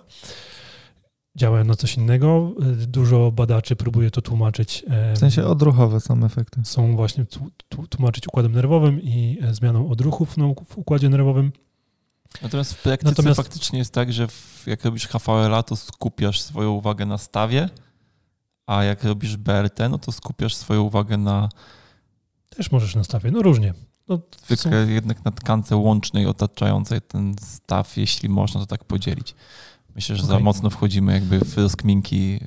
E, w każdym razie co do samego właśnie mechanizmu, no to dokładnie podobna historia jest z BLT. Jakby nie, nie mamy na tyle rzetelnych badań, żeby stwierdzić, jak działają nasze techniki. I to nawet nie są jakby te konkretne techniki, to są wszystkie techniki, które stosujemy w fizjoterapii, w osteopatii, w jakiejkolwiek pracy manualnej. Czy myślę, że podpowiedzią dla Mateusza w tej sytuacji będzie po prostu to, że nasz organizm jest reaktywny, tak? I wprowadzając jakikolwiek bodziec, on będzie na ten bodziec, jeśli ma do tego zasoby, reagował. Więc y, ym, kwestią różnic w mechanizmach nie jesteśmy w stanie się z Mateuszem podzielić. Natomiast y, obie techniki dążą do tego, żeby wprowadzić konkretny rodzaj bodźca i to jest przede wszystkim różnica między tymi dwoma technikami, rodzaj bodźca, bo jedne idą do ułatwienia, drugie idą w kierunku bariery. Z Natomiast grubsza przynajmniej. z grubsza, natomiast jakby koniec końców łączy je to, że stymulujemy w ten sposób pewne receptory i obserwujemy odpowiedź na tą stymulację, tak? I zarówno w przypadku jednej, jak i drugiej stymulacji jakaś odpowiedź się powinna pojawić. Tak, zgadzam się. Tak, i na przyszłość, Mateusz, myślę, że jeżeli ktoś będzie ci tłumaczył mechanizm działania techniki i będzie ci to tłumaczył bardzo klarownie, to powinno to wzbudzić twoje podejrzenia. Tak, znaczy to nie jest tak, że, że nie można o tym rozmawiać w ogóle, tylko Nie, Tak, nie rozmawiać można, natomiast my jakby po prostu nie wiemy. Nie, że my, E. tylko ogólnie ludzie. my ludzie nie My wiemy. ludzie. E, I jeszcze drugie pytanie, jak mądrze wykorzystać te techniki w terapii? Skutecznie. Mądre wykorzystanie techniki to jest wykonanie techniki tam, gdzie ona jest potrzebna, a W nie wyko- sytuacji, kiedy w sytuacji, jest kiedy potrzebna. jest potrzebna, a nie wykonanie techniki po to, żeby coś zrobić. I jeszcze do tego bym dodał, że ym, Strasznie dzisiaj nie, niekonkretne odpowiedzi daję. No nie, no bo chodzi mi o to, że jeżeli przychodzi do ciebie pacjent z bólem kolana i ty mu robisz BLT na kolano, to to nie jest dobre wykorzystanie techniki. Natomiast jeżeli przychodzi do ciebie pacjent z bólem kolana i ty w badaniu stwierdzasz, że problem jest faktycznie w kolanie i twoją techniką z wyboru będzie tam BLT, to to jest dobre wykorzystanie techniki. myślę, To ja bym jeszcze pytanie- nawiązał do tej drugiej kwestii, o której ja powiedziałem, że sytuacja jest o tyle ważna, że jeżeli już ustaliłeś w badaniu, że to kolano wymaga terapii, to teraz musisz włożyć to kolano w pewien kontekst. I Jeśli to jest pacjent w stanie ostrym, to raczej nie wykonasz mu z wyboru manipulacji, tylko raczej wykonasz mu z wyboru technikę BLT, tą w kierunku ułatwionym, żeby nie było wątpliwości. Natomiast yy, no, taki ogólny podział mm, wskazań do zastosowania technik manipulacyjnych czy technik pośrednich w terapii manualnej, no to jest coś, co pozwala nam, że tak powiem, określić w jakiej sytuacji, z jakiej techniki chciałbym skorzystać. Nie? Tak, właśnie odpowiedziałeś na to pytanie, co myślałem, że, że ono tam się kryje. Więc wszystko jest ok. Idźmy dalej. E, to już koniec naszego kącika społecznościowego. Świetnie, bo zaczynałem się zastanawiać, czy dzisiejszy podcast ja... będzie miał jakieś inne kąciki. No. E, więc Marcel nam... Nie, jeszcze nie puszczę dżingla. Nie? Nie. Powiedz nam szybko, co nowego w Physiopassion. Co nowego w Physiopassion, super. Y, to jak wy słuchacie tego podcastu, to jest jaka data? Poniedziałek. Poniedziałek, czyli to jest... Y... 26. Siódmy? Dobrze, nieważne. Siódmy. Ten Siódmy. poniedziałek, kiedy słuchacie tego podcastu, to jest tydzień, który dzieli was od tego, żeby mm, pobawić się, skorzystać i zachwycać się nową platformą physiopassion.pl. No Tak, chyba, że ktoś słucha tego podcastu nie w ten poniedziałek, w który on wyszedł. Tak, to 4 to już jego października. To 4 października jest premiera nowej e, platformy physiopassion.pl. Będzie to miejsce, które mm, po długim czasie, bo po kilku miesiącach ym, takiej rozłąki, gdzie na physiopassion.pl był nasz blog, a na Physiopassion Online były nasze kursy, webinary i rzeczy, to teraz y, wszystko będzie pod jednym dachem mm, na ultra nowoczesnej i takiej mega dostosowanej mm, do tego platformie, gdzie wasz user experience będzie po prostu sztosowy. I y, jak wspominałem o tych kwestiach związanych z mm, tym, że nawet przerabiając kursy online, takie już na zasadzie retransmisji, będziecie mieli możliwość um, uczestniczyć y, w jakiejś tam wymianie komunikacji z nami, to będziecie mogli wysyłać nam na tej platformie na przykład prywatne wiadomości, jak na Facebooku. I tam na przykład ktoś będzie chciał sobie napisać do Kuby, to napisze Kuba, a z tymi skoliozami to o co ci chodziło? I wtedy Kuba, jak będzie Powiem, chciał, o co mi chodziło. Powie o co mu chodziło. I to będzie super, więc będzie ten kontakt i wymiana między nami bardziej bezpośrednia. Yy, Dodatkowo będziecie mieć forum dyskusyjne, na którym będą się pojawiać, yy, w sensie będzie dyskusja dotycząca pytań, wątpliwości odnośnie naszych kursów. Będzie taka dyskusja, która się będzie odnosić do bazy wiedzy i tak dalej, i tak dalej, więc yy, taki uporządkowany model komunikacji społecznościowej. W sensie ja sobie tak cały czas idealizuję, że on będzie uporządkowany, natomiast wszyscy wiemy, jak Chaos. działają fora. Natomiast y, naprawdę jestem święcie przekonany, że znajdziecie w tym chaosie dużo wartości dla siebie, y, więc nie przedłużając kącika co nowego w Physiopassion, to nowa platforma rusza 4 października i nie może was na niej zabraknąć. No pokrótce już też zapowiedzieliśmy webinar, który, Tak. Który się pojawi, więc myślę, że ten kącik jest wyczerpany. Ale No Kuba nie, jeszcze coś nie, chce nie, powiedzieć, Nie, jest wyczerpany, bo jeszcze robisz warsztaty stacjonarne, chciałem ci przypomnieć. No robię. No. To ty robisz którego? Robię warsztaty czwartego, a później gdzieś tam 20. Ja robię 20 chyba. Drugiego chyba. Koło 20 października. Tak. Wszystko będzie na Physiopassion. Wszystko będzie w kalendarzu, bo na tej nowej platformie będzie taki kalendarz i będziecie mogli sobie tam wszystko posprawdzać. Naprawdę. Sztos. Bueno, bueno. Dobrze. To już? Wszyscy się Tak. powiedzieli? Tak, tak. Świetnie. To w takim razie e, 4 października jakby co. przychodzą nam teraz Czwartego, tak? Tak. i Knoble. Dawaj. Dalej rok 2005. On obrodził naprawdę świetne, świetne perełki. I Knoble, czyli do tych, którzy słuchają nas po raz pierwszy, Antynoble. Proszę bardzo. Nie no, chciałem powiedzieć? powiedzieć ten gad za 2005, nie? Naprawdę.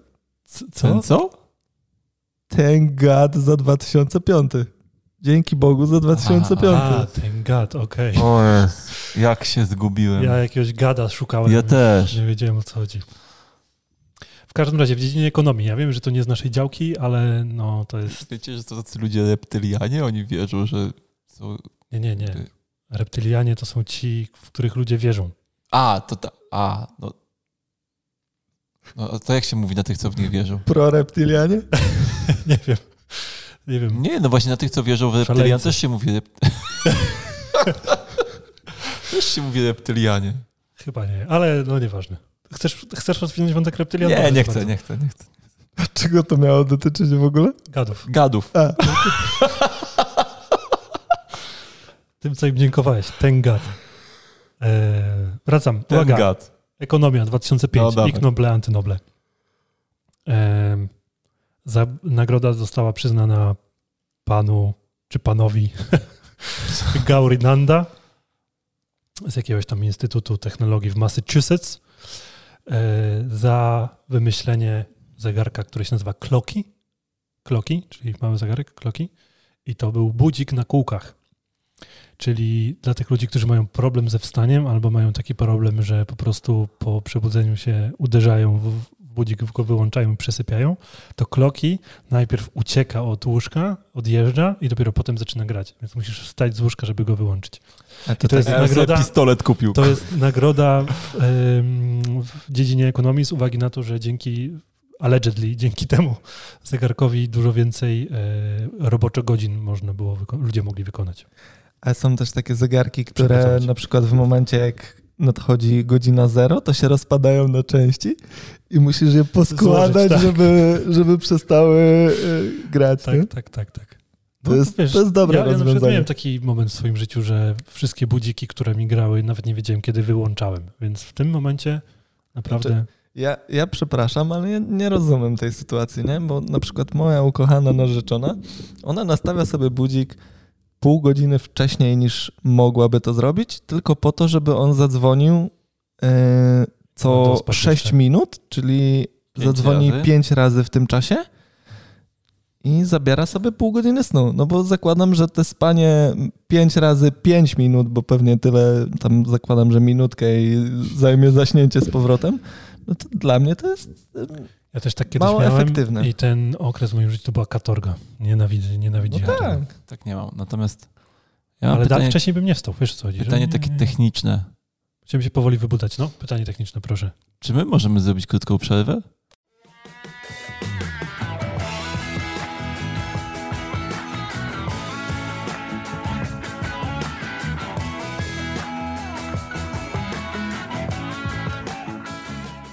Drugi Ig Nobel. E, z dziedziny chemii tym razem, więc bliższej, bliższej nam dziedziny niż Weź. ekonomia. E, wyobraźcie sobie sytuację, że został on przyznany panu Brian Gettelfinger i gdzie jest to drugie nazwisko? Edward Kassler. W 2005. 2005 rok. Znaczy, te wszystkie prace nie były w 2005 roku, ale, ale zostały wybrane w 2005 roku. No nieważne. Więc ci panowie siedzieli sobie i oglądali olimpiadę, jak to e, pływacy sobie pływają i tam zdobywają medale. I jako, że oboje są chemikami, zaczęli się zastanawiać, jak no, każdy normalny człowiek by się zastanawiał, czy człowiek płynąłby szybciej w syropie, czy w wodzie. I e, To fizyk się powinien tym zastanowić chyba, nie? no, nie fizyk, chemik. chemik, wiesz, nauki ścisłe. No dobra, no. No i e, najpierw was zapytam, jak myślicie W, wodzie. w wodzie, Marcel? Żeby było śmiesznie, w syropie. No i ci panowie mieli dokładnie taką samą historię, że nie mogli się przekonać do swoich argumentów. No woda stawia mniejszy opór. E, No tak, ale ten mniejszy opór też e, masz przy odpychaniu się przy, z, wo, z wody, nie? Więc pytanie, gdzie tutaj W syropie to się można ślizgnąć. no, w syropie się można właśnie mocniej odepchnąć. No Ale więc, jakiś konkretny syrop? Nie, nie, po prostu w gęstym... Flegamina. Nie, Transmisja zawiera lokowanie produktów. był taki dla dzieci syrop, taki, co nawet dzieci go lubiły pić. Ale Kowalski jak się zastanowił. Bo mam taki flashback z dzieciństwa. E, taki słodki syrop, tam nie, nie wiem na co to było, to było takie witaminy. Ja używam takiego coś. Tu chińskiego. sipek? Nie, to sipek. W tym to szybciej na pewno. E, no, w każdym razie. człowieku, to wracamy. byś go nie dogonił. E, I ci panowie stwierdzili, że porozmawiają jeszcze ze swoimi kolegami z branży i też nie mogli dojść do żadnego porozumienia, więc przeprowadzili eksperyment. Wlali do basenu e, 310 kg, nie wiem co to jest niestety, guar po angielsku. Gumagual. Podejrzewam. Taki naturalny środek zagęszczający, Zagęszczający. ala, ala żelatyna chyba można to nazwać. Okej. E, Jest tutaj nawet konkretna marka podana, jakby kogoś to interesowało. To był Aqualan Super Col. E, No i wrzucili pływaków do, do tego basenu, żeby zbadać swoją hipotezę. I okazało Ale się... jestem rozczarowany. To jest po prostu poszli po najmniejszej linii oporu, stary. Trzeba Dlaczego? było znaleźć sponsora do tych badań, wlać tam syrop klonowy, jakby zrobić z tego fan, nie? Tak. A po prostu To prawda. poszli po najmniejszej linii oporu. To prawda. E, No i e, w badaniach wyszło, że niestety, znaczy niestety, stety, niestety, nie ma żadnej różnicy. Co ty Nie ma gadasz? żadnej różnicy. Tak, tak, bardzo, tak bardzo się niwelują, niweluje opór, jakby ten, który stawia ci woda przed tobą, do tego, od którego, do, do, tej wody, od której możesz się odepchnąć. Ale myślę, że to zależy też od dystansu, bo to musi się chyba trudniej płynąć, nie? No właśnie nie, bo masz e, efektywniej się odpychasz, nie? I e, okazuje się, że czasy Aha. są Gorzej takie same. wejść, No, no, no, no, no, łatwiej no, się no. Czasy, czasy były takie same. em, I Ale to mi nie daje spokoju. Patrz, na przykład jakby zadzwonili do Paoli i powiedzieli, słuchajcie, robimy takie badania, zróbmy z tego, zróbmy z tego event i dajcie nam 310 tam, nie wiem, tysięcy litrów syropu malina z lipą, nie? no właśnie, wiesz, nie wiem, czy by, czy by to się jakkolwiek ekonomicznie spięło wtedy. Czy ja generalnie po tym, co przed chwilą usłyszałem, czekam na nową dyscyplinę olimpijską. Pływanie w syropie. No i panowie wyciągnęli wnioski, że, e, że nie da się tego przede wszystkim też policzyć z uwagi na to, że każdy pływa inaczej, pod innym kątem, inaczej wykonuje ruchy, inny ma kształt ciała, inną długość ciała i tak dalej. E, No a i że to wszystko ma jakby związek z tym, że ten przepływ w przypływaniu jest turbulentny. Że jeśli byłby laminarny, ale to byłoby zupełnie inaczej, wtedy rzeczywiście w syropie byłoby szybciej, jeśli dobrze pamiętam. Natomiast e, ta gęstość musiała być zwiększona około tysiąckrotnie. Więc to już troszeczkę ciężko to nazwać już syropem wtedy. No, trochę tak. Okej. Więc tak, w dziedzinie chemii 2005 rok. E, Ej, ale to był pierwszy pouczający Ig Nobel. Ty, ale co to ma wspólnego z chemią w ogóle? To wszystkie były pouczające, ja sobie wypraszam. No dobra, na drugim, miejscu, na drugim miejscu w hierarchii są pierdzące śledzie, ale Nie, no bardzo pouczający był ten o y, porodzie siłą odśrodkową. Bo wiesz, żeby tego nie robić, nie? No i było o śledziach, e, tych... Żabach. Nie, nie wiem, łososiach atlantyckich. o co im, kaczorach. O kaczorach. Co im e, Zdechłych kaczorach. No właśnie mówię. A, o zdechłych. zdechłych kaczorach gejach. Weźcie sobie, przesłuchajcie ten podcast, Nie. bo zdechłe to były łososie, czy No tam to, jakieś tak, to właśnie Kuba tutaj zaczyna No, a kręcić. kaczory były gejami i, I Nekrofilami. i nekrofile, No dokładnie. więc jakiś tam kaczor zdechły jednak był. Ale dobra. Nie wiem, czy to jest taki świetny temat żartów. Dobra. Może przejdźmy dalej. Znaczy temat jest Coś- świetny, natomiast coś- przejdźmy dalej. Coś czuję, że nam dzisiaj uciekła ta kwestia balansu między y, śmieszkowaniem a... No ale cóż. Nie, Dobra. śmieszkowanie jest tylko teraz. Idziemy dalej.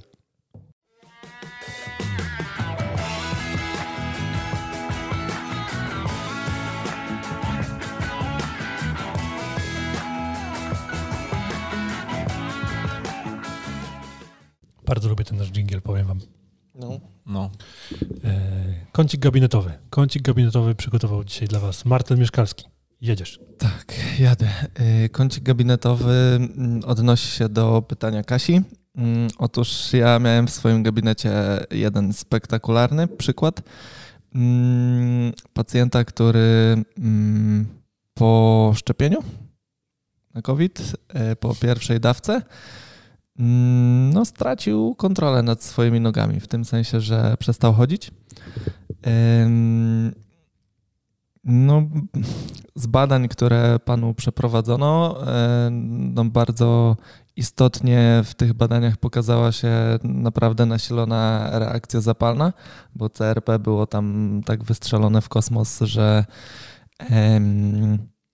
no, jakby nie było to raczej związane z e, infekcją. Pan wcześniej żeby było też istotne, e, bardzo ciężko przeszedł COVID, nie? więc e, mm, generalnie być może to była jakaś forma predyspozycji do takiej reakcji na szczepionkę lub też nie, więc żeby była jasność, my tutaj nie opowiadamy się za tym, czy się szczepić, czy się nie szczepić.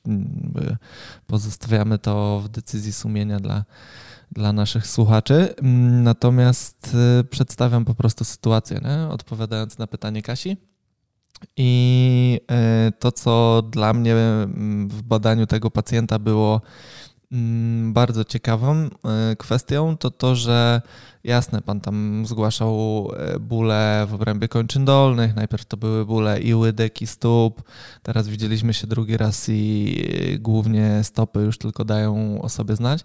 Natomiast różne specyficzne rzeczy, które ten pacjent zgłasza, mm, w ogóle nie znalazły na ten moment zainteresowania w mojej pracy, bo reakcja układu nerwowego była tak uogólniona, że badając czy poszukując wzorca napięciowego u pana, cały obszar tak naprawdę od głowy po tyłek, mówiąc kolokwialnie, to był jeden wielki wzorzec napięciowy. Nie? Reakcja była tak mocno systemowa, że właściwie w każdym obszarze, gdzie bym tego pacjenta e, mm, jakoś manualnie starał się poprawić, to wszędzie byłoby coś tak naprawdę do zrobienia. Nie? Więc tą pierwszą wizytę spędziliśmy sobie na e, takim ogólnym mm, nazwijmy to, odreagowaniu tego całego procesu. I fajnie, no bo pan oczywiście jak do mnie trafił, to on już w jakimś tam stopniu chodził, Natomiast y, koordynacja nerwowo-mięśniowa była średnia, natomiast z perspektywy tej drugiej wizyty na pewno jest poprawa, e, zwiększył się dystans, który pacjent jest w stanie przejść, e, zwiększyła się taka ogólna wydolność, jeśli chodzi o, o te spacery, no i te kończyny dolne też już lepiej na to reagują, nie? więc ja miałem taki spektakularny przypadek E, powikłania, możemy to tak nazwać, Ciekawe. po szczepieniu. No, znaczy pacjent musiał być już wcześniej dość mocno no, predysponowany. Trachnięty, że się tak wyrażę, na poziomie układu nerwowego, żeby mieć taką reakcję. No więc, no. więc też mm, myślę, że mm, nie można zrzucić takiego stanu rzeczy czysto na karp e, szczepionki, bo to tak, tak. prawdopodobnie tak. nie była szczepionka, tylko był to efekt e, reakcji poszczepiennej związanej z tym, że organizm po prostu być może nie był w tym momencie gotowy, żeby tą szczepionkę e, Przyjąć, sobie no, przyjąć dokładnie. i przepracować, nie? Tak. Dokładnie. zapomnieliśmy o jednej rzeczy. Tak, tak ostatnio. Nie powiedzieliśmy, gdzie nas można słuchać. Wszędzie. Kuba, ty jesteś najlepszy w tym. Na YouTube można słuchać i na Spotify'u i na e, iTunes, iCloud i SoundCloud. SoundCloud. Dużo tych cloudów jest, nie? Jest jeden. Aha, bo to nie. A, a, a dobra, kumam. Tak. No to właśnie tam. Google Podcast. O. Jeszcze coś, panie? Apple Podcast. O, a ja wam jeszcze powiem, że na tej nowej platformie, która odpali 4 października. Tam znajdziecie też w bazie wiedzy wszystkie nasze odcinki i do każdego e, takiego posta z odcinkiem będzie wklejone wideo, będzie wklejone e, audio i pracujemy już, nie wiem czy chłopaki wiedzą o tym w ogóle, ale pracujemy nad transkrypcjami. E, myślę, że Alan, który tutaj zadaje nam często pytania i się udziela, nie obrazi się, jak e, zdradzę, że to on przygotowuje dla nas te transkrypcje, super. E, więc będzie można też poczytać nasze podcasty w pewnym sensie. Fajnie, że się spotykamy lubią. w tym podcaście, bo się dowiadujemy różnych rzeczy, nie? No. My się dowiedzieliśmy o transkrypcjach, ty się dowiedziałeś, że masz spotkanie z logopedami. Dokładnie. Dokładnie. E, I jeszcze zachęcamy Was wszystkich, pamiętajcie, do słania wszelkiego rodzaju wiadomości na kontakt małpa fizjopassion.pl. Tak. Dokładnie. Dalej nie dostaliśmy żadnego zdjęcia z wakacji, no ale trudno. Jakoś Ej, wyślijcie jakieś zdjęcie z wakacji, faktycznie. To, to było miłe takie. E, najlepiej jak słuchacie nas jeszcze, to w ogóle byłoby super. O. Możecie udawać, nie? Na tym zdjęciu. Wystarczy, że stoi tam jakiś głośnik i możesz napisać, że tam leciał podcast. O, jeszcze na głośniku, super. Tysiąc odbiorców jeszcze obok, to już najlepiej. Ale dobra. Czy coś jeszcze w tym kąciku? No, Kuba, coś Nie, nie, nie. Podnosisz nie, nie, paluszek? nie. Proszę bardzo. paluszek, bo właśnie myślałem, że idziemy do części głównej, tak? idziemy do części głównej.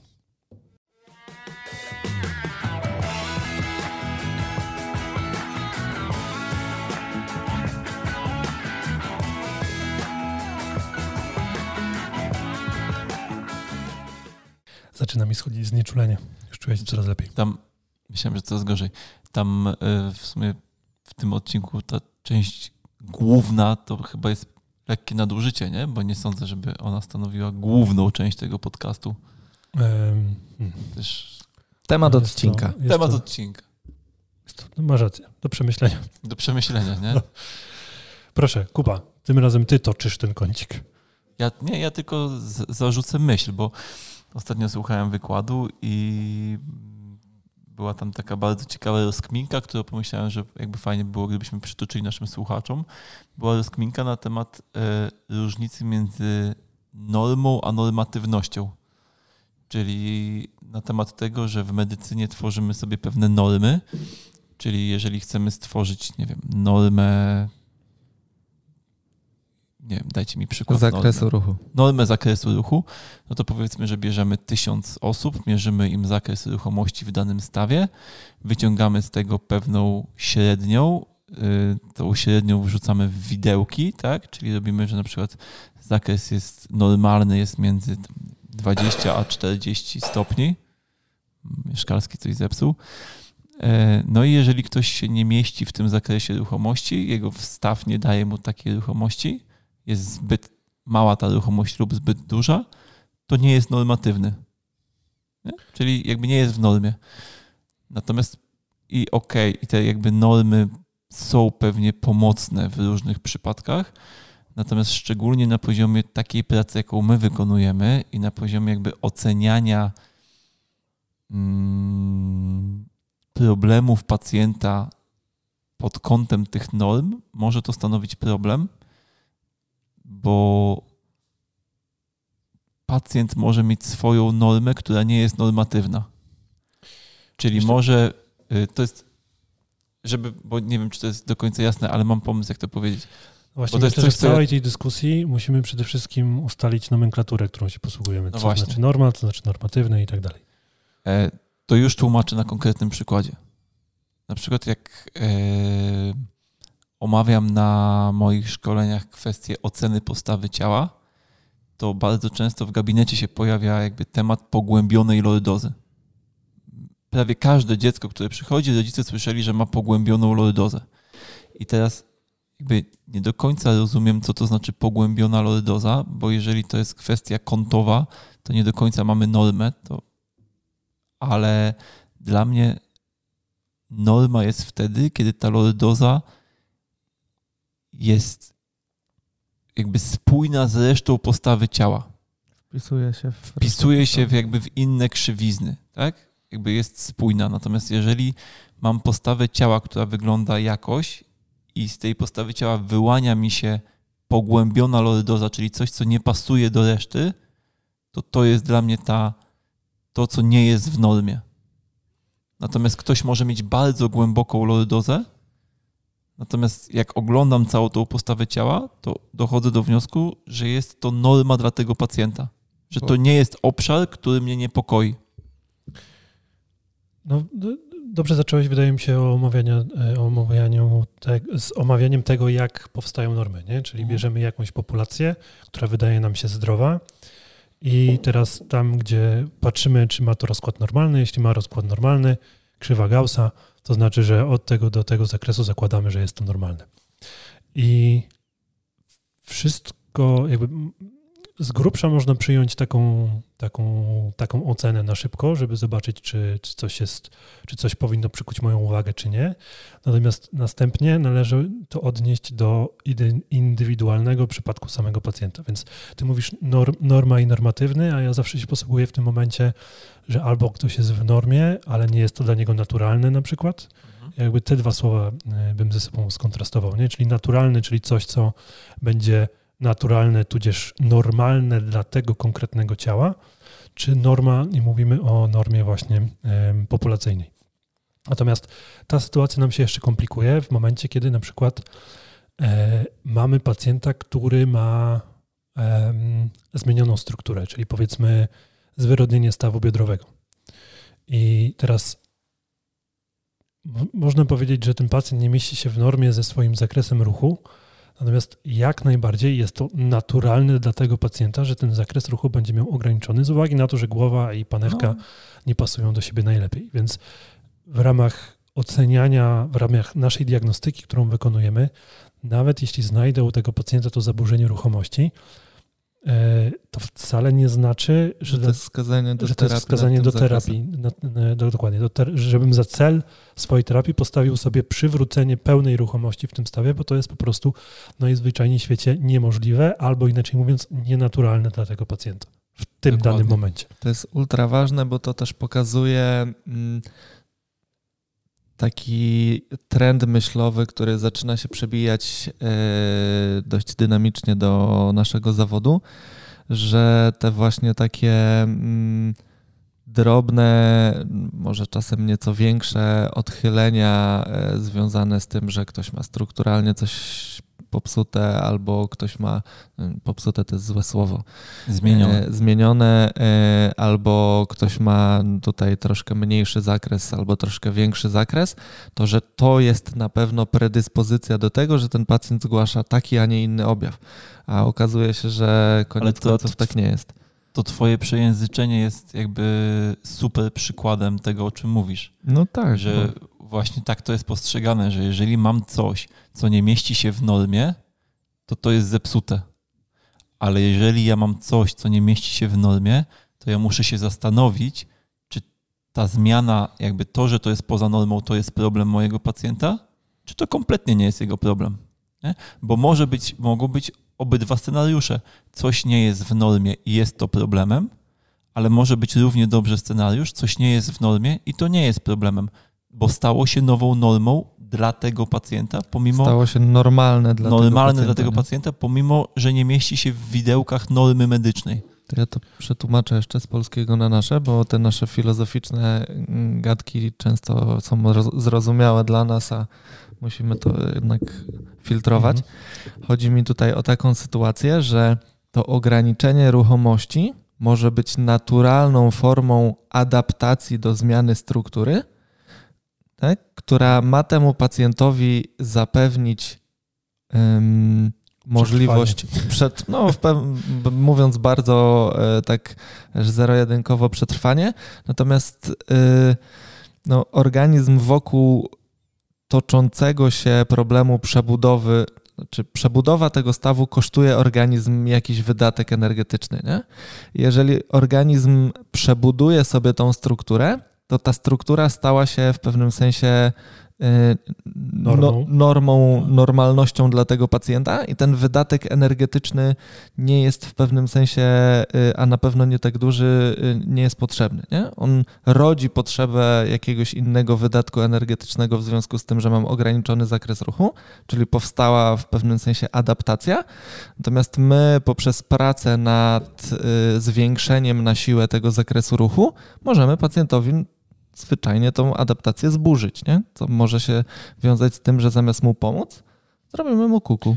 Tak, tylko to, to, może, to może mieć miejsce, bo teraz opowiadam o bardzo specyficznych przykładach, natomiast to może mieć miejsce, jeżeli mówimy o tej choćby o tym zakresie ruchomości, to może być pacjent, który ogólnie ma bardzo wysoką sztywność, bo ma mhm. taką konstytucję tkanki łącznej, która nie pozwala mu na zbyt dużą ruchomość, więc jeżeli bym miał takiego pacjenta i zobaczę, że nie rusza się w łokciu za dobrze, nie rusza się w barku i nie rusza się w biodrze, to moim wnioskiem nie powinno być, ja mu teraz uruchomię te wszystkie stawy, bo nie mieści się w widełkach, w których powinien się mieścić, tylko raczej wnioskiem powinno być, ok, to jest pacjent, który z tej czy innej przyczyny ma tak zbudowaną tkankę łączną i to dla niego jest jak najbardziej naturalne. Więc jeżeli znajdę teraz odstępstwo od normy, w tym wypadku na przykład jeden nad, nadruchomy staw, powiedzmy dla tego pacjenta, czy y, moment, żebym się nie zagubił, normalnie ruchomy staw, który dla tego pacjenta może być w tym wypadku nadruchomym stawem, to może on będzie problematyczny. Czyli yy, protip, jeżeli przychodzi do Was pacjent i w ramach normy książkowej ma ograniczenie ruchomości albo yy, jakby zakres ruchu poza normą, to jeśli jest to staw e, parzysty, to porównajcie to najprościej z drugim stawem, a jeśli jest to staw nieparzysty, to porównajcie tą ruchomość z innym stawem, który jest podobnie zbudowany.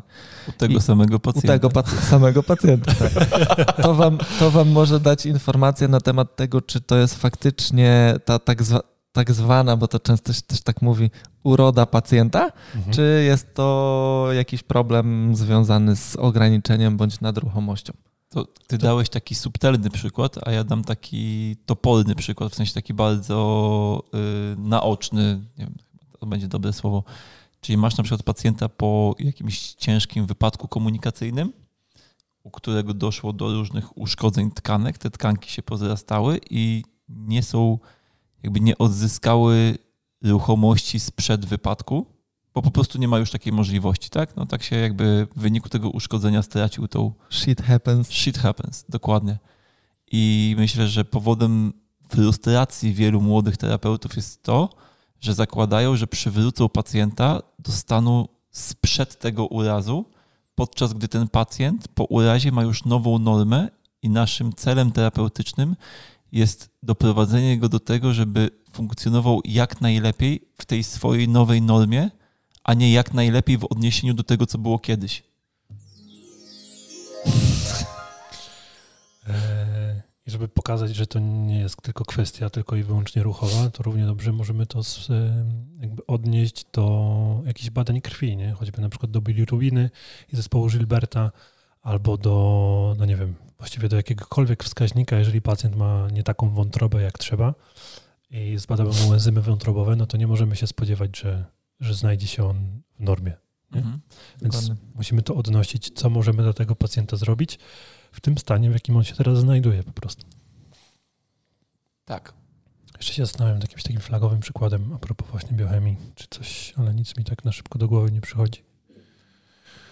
Nie Myślę, że możemy się skupić na tych przykładach takich, takich bardziej bardzo, naszych. Ba, bardziej naszych gabinetowych, nie? Gdzie, gdzie często też wyciągamy pochopne wnioski. Znaczy, yy, tak troszkę podsumowując ten temat, musimy pamiętać, że ta norma jest yy, aspektem zależnym od wielu czynników. Nie możemy tej normy yy, traktować jako wyznacznik uniwersalny, bo jak przyjdzie do mnie e, pacjentka, która ma lat 80 i będę jej badał zakres ruchomości kompleksu e, barkowego i nie będzie tam 180 stopni, no to nie będę raczej mocno zaskoczony. Jeżeli tylko ten zakres w obu kończynach będzie podobny, tak? Czyli jeśli ta pacjentka mm, przyszłaby z problemem barku i wykazywałaby, nie wiem, 150 stopni zgięcia w, w stawie ramiennym, to jeśli w drugim stawie miałaby podobną ruchomość, to raczej nie uznałbym, że ten zakres ruchomości w tym bolesnym barku jest problematyczny. Sensie mhm. uznałbym, że zakres ruchu bolącego barku jest pełny dla niej. Mhm. To prawda, ale tak naprawdę warto e, wspomnieć o tym, że to jest takie wstępne założenie, nie? bo potem przeprowadzamy całe tak. badanie i wtedy nam wychodzi, czy to rzeczywiście jest normalne bądź nienormalne. Oczywiście. Czy naturalne lub nienaturalne. I tutaj, jeśli mamy wśród naszych słuchaczy 80-letnich odbiorców, to nie chciałbym też generalizować, bo może się okazać, że nie jeden 80-letni pacjent będzie miał lepszy zakres ruchomo ruchomości zgięciowej w kompleksie ramiennym niż na przykład ja. No, ja Ale też troszeczkę zdrowego rozsądku przy tym warto zachować, jeżeli ktoś przychodzi e, i ma 10%, 10 stopni ruchomości, powiedzmy w stawie barkowym, znaczy w, w deficytu. Nie, 10% ruchomości, 10, Boże. Stopni. Stop, jeszcze raz, od początku. Jeżeli ktoś w barku ma 10 stopni ruchomości, na przykład w zgięciu, to prawdopodobnie coś tam jest nie tak. Dokładnie. I tak. powiem więcej, jeżeli ruchomość jest ograniczona we wszystkich płaszczyznach ruchowych danego stawu, to zazwyczaj wiąże się to już z jakąś no, patologią, można by tak powiedzieć.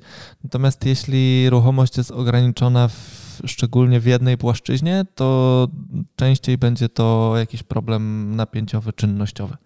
Natomiast znowu nie ma co traktować tego jako Tutaj mm, tak pewnik. sobie pomyślałem, że też flagowym przykładem są skoliozy osób dorosłych, nie?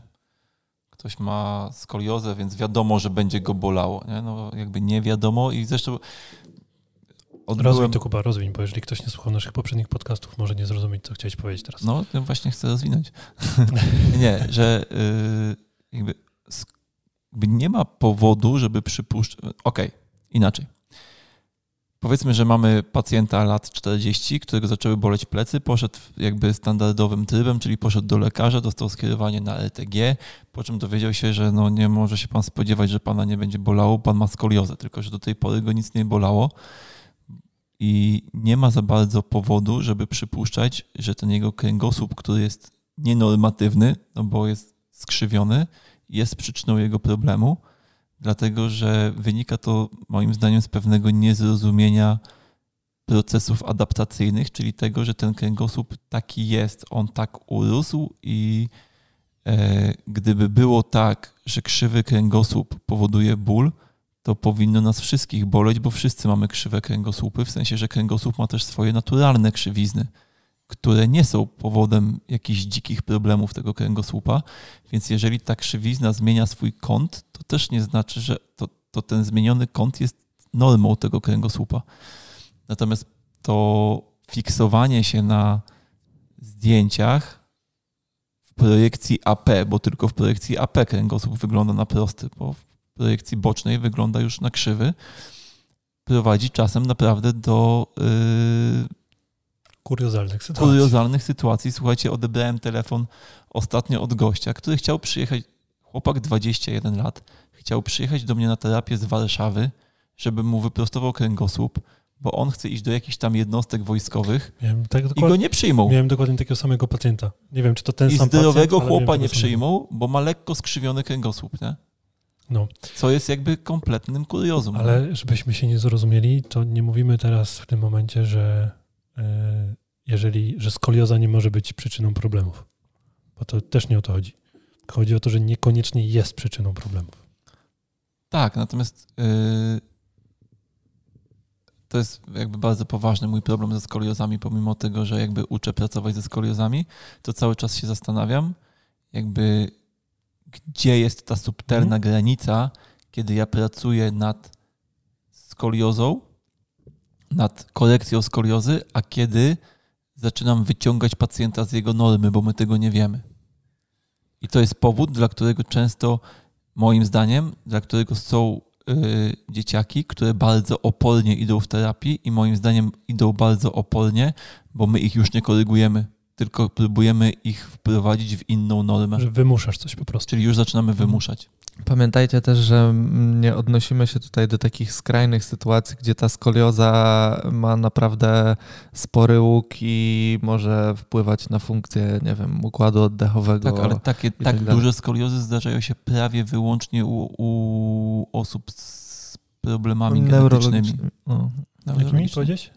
Ja powiedziałem neurologicznymi, on No, Skoliozy genetycznymi. neurologiczne, czyli Aha, no, one okej. zwykle wynikają z tego, że jest jakiś problem genetyczny. Nie? No, genetyczne, ale to niekoniecznie muszą być neurologiczne rzeczy, nie? I może to być jakby nie jest. Zespół Marfana i inne te podobne Tak. rzeczy. No jasne, jasne. Natomiast to są ekstremalnie rzadkie przypadki. Nie? To prawda. No dobra, Czyli co? Dobrnęliśmy do końca tego Chyba podcastu? No. tak mi się wydaje. To co? Zapraszamy do wysyłania maili. Kontakt małpafizjapaszyn.pl e, Zapraszamy do... Do gdzie jeszcze zapraszamy? Na Do stronę 4 zapraszamy? października za- zapraszamy. O, właśnie. Czekamy na 4 października na, na otwarcie platformy. Będzie szampan internetowy taki? Będzie się- Szampon będzie. Szampan będzie. Aż szczypie w oczy. Właśnie miałem mówić, że nie. w oczy. No to dobrze. Yy, No i tyle. No. Słyszymy się za dwa tygodnie. Mam nadzieję, że tam się nic nam nie wykruszy po drodze. Chyba nie. Sprawdźcie sobie w kalendarzu na platformie, kiedy dokładnie będzie wydarzenie o podcaście. Możecie No. sobie wrzucić do kalendarza swojego prywatnego i w ten sposób nigdy nie zapomnicie. Umkną, nas. Nie umkną wam treści, które was interesują. Dobrze, no i ja bym chciał jeszcze też podziękować za, że nasza społeczność tak y, gromnie do nas pisze i że mamy o czym mówić. Tak, to prawda. I Krzychu, Krzychu, pamiętaj, to ja mam dzieci. Dobra, trzymajcie się. Piąteczka.